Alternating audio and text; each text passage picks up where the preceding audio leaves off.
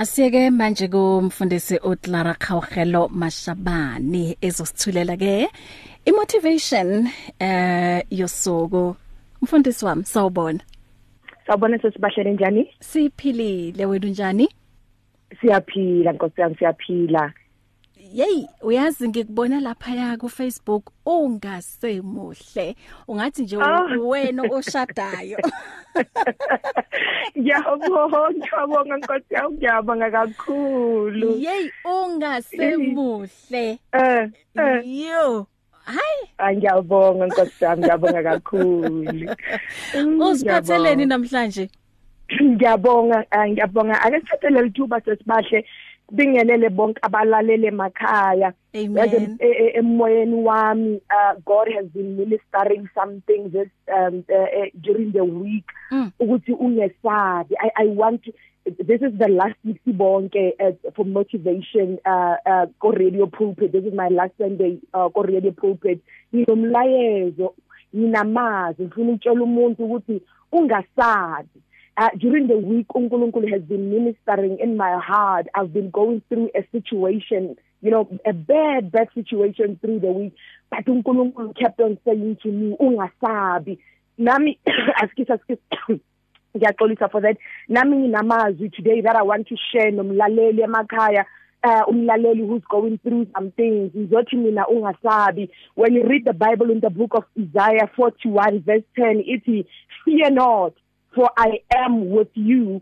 Kunezimo sesibahle es- eh, that we pass through empilweni kunezinto kunezinto I was telling uh, this other pastor uh, today ngithi mfundisi wami kunezinto ezenza ukuthi nabafundisi you know re thabe re santse re tsamaya mo tseleng go nemdilo tse di re etsang gore eh, re re- re re- re fitlhele ko thaba but nginomlayezo nginamazi today that I want to share nomlaleli ngithi kuwe ungesabi whatever that is going on empilweni yakho mina ngizothi kuwe ungesabi. Kunezinto that we are going through emsebenzini kunezinto that we are going through with our neighbors but ngizothi mina kuwe ungesabi. As you are going to start a new week tomorrow ungesabi. I have a child who is 5 years old and normally nginokumthuma ngimthumele maybe like I'll ask him ukuthi papa hamba uyongithathela something ngaphandle. I think past 7 uh, in the evening and kumnyama ngaphandle. And you will see my son asithi mama ngiyasaba. And ngizothi kuye ngivula umnyango i'll stand just here but ngizokubona hamba uye lapha uyothatha lento ubuye nayo. Kahle kahle uNkulunkulu uthini? I'm giving you this example ukubonisa ukuthi uNkulunkulu uthi mntanami hamba. But ungesabi eh my god ungesabi whatever that you are going through whatever that you encounter empilweni. I'll say to my baby ukuthi hamba nani umama ukubhekile yabona isiqiniseko sokuthi wazi ukuthi umama ukubhekile it makes him ukuthi ahambe ayothatha yazi but indaba isekutheni umama ubhekile hamba mntanami ngizothini mina kuwe namhlanje mlalelo ekhaya? Fear not ngokuba uNkulunkulu unawe awukhathalatsege siyemo sotsamara nkamara sona but ngizothini kuwe? Ungesabi. Radio pulpit umsakazi omkhulu kangaka ngizothini kuwe? We have competition and whatsoever but ngizothini kuwe namhlanje mntaka baba? Ngizothi hamba ungesabi. Abafundisi emabandleni kunzima but ngizothini kuwe mntaka baba? Ngizothi hamba uNkulunkulu ubhekile as i conclude i want to tell people ukuthi it doesn't matter what we go through but hamba ubaba ukubhekile ngiyabonga fear not Fear not. ungesabi ungesabi ubaba do not be afraid Mm. ngoba ubaba ubhekile Amen amen. And ngiyayithanda iexample oyenzile ukuthi um yengane yakho ukuthi moyithumele lapha ngaphandle eh abone nje ubumnyama besathi mama ngiyasaba kodwa wena umnikeze leso siqiniseko sokuthi ungesabi ngikubukile. Ayikho into engakuthinta ayikho into engakulimaza. So nathi ngoba amehlo kababa wethu aqalaza yonke nje indawo kusho ukuthi wherever we are uNkulunkulu usibukile. uNkulunkulu wherever we usibhekile, are doing bazalwane. yes uNkulunkulu usibukile. So singasabi lutho. Wow. Mm. Wow. wow singasabi lu do not Mm. be afraid ngoba ubaba usibekile bazalwane. Yeah. Mm. Njengoba siyoqala iviki elisha i know ukuthi abanye already sebane izinto ezinegative abayicabangayo because of impilo ngendlela ihamba ngakhona kwamanje. So mm. sithi kuloyo muntu ungesabi. Ngoba uyazi iyalimaza lento ukuthi usabe into ongayazi. Ikusasa lethu asazi ukuthi kusasa asazi ukuthi kuza nani. So thina the only thing okumele siyenze ukuthi simthembe uJehova. Si trust kuyena si believe kuyena ukuthi la azo azo lapha esithatha khona esihambisa noma la ezosithumela khona thina nje sikholelwe emandleni akhe nokuthi uNkulunkulu ngeke asifake la bese ke uyashiya.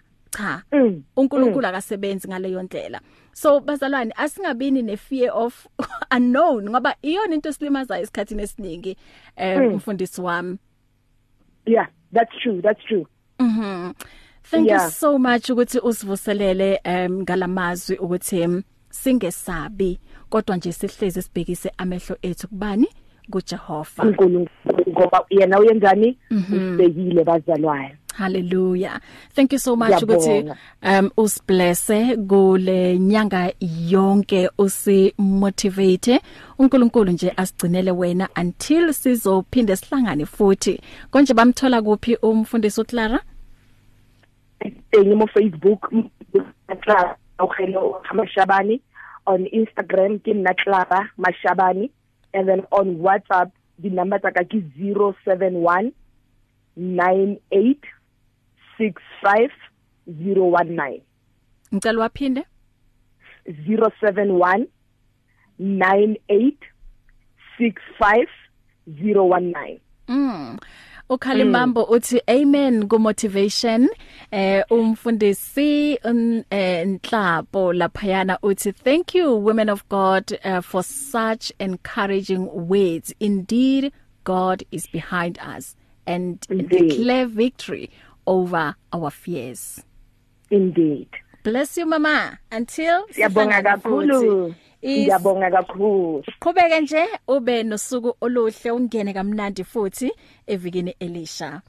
Ngiyabonga kakhulu Radio Pulpit. Amen. One vision, one voice, one message.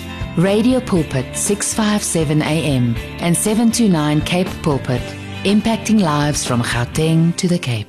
If you need prayer, please send your request to prayer at radiopulpit.co.za or WhatsApp 067 429 7564 or go to Radio Pulpit website on www.radiopulpit.co.za You can now buy your favorite programs and series of the past 38 years on eCompanion, Radio Pulpit's own online shop. Revisit programs by beloved presenters like Justice Chungu, Cecile Burger, Esti Geldenhuys, and Pastor Aaron Jelle. Books and CDs from various authors and artists, as well as Radio Pulpit t-shirts, caps, and other branded products will also be available on eCompanion, your one-stop soul food shop. Visit radiopulpit.co.za and click on shop. T's and C's apply.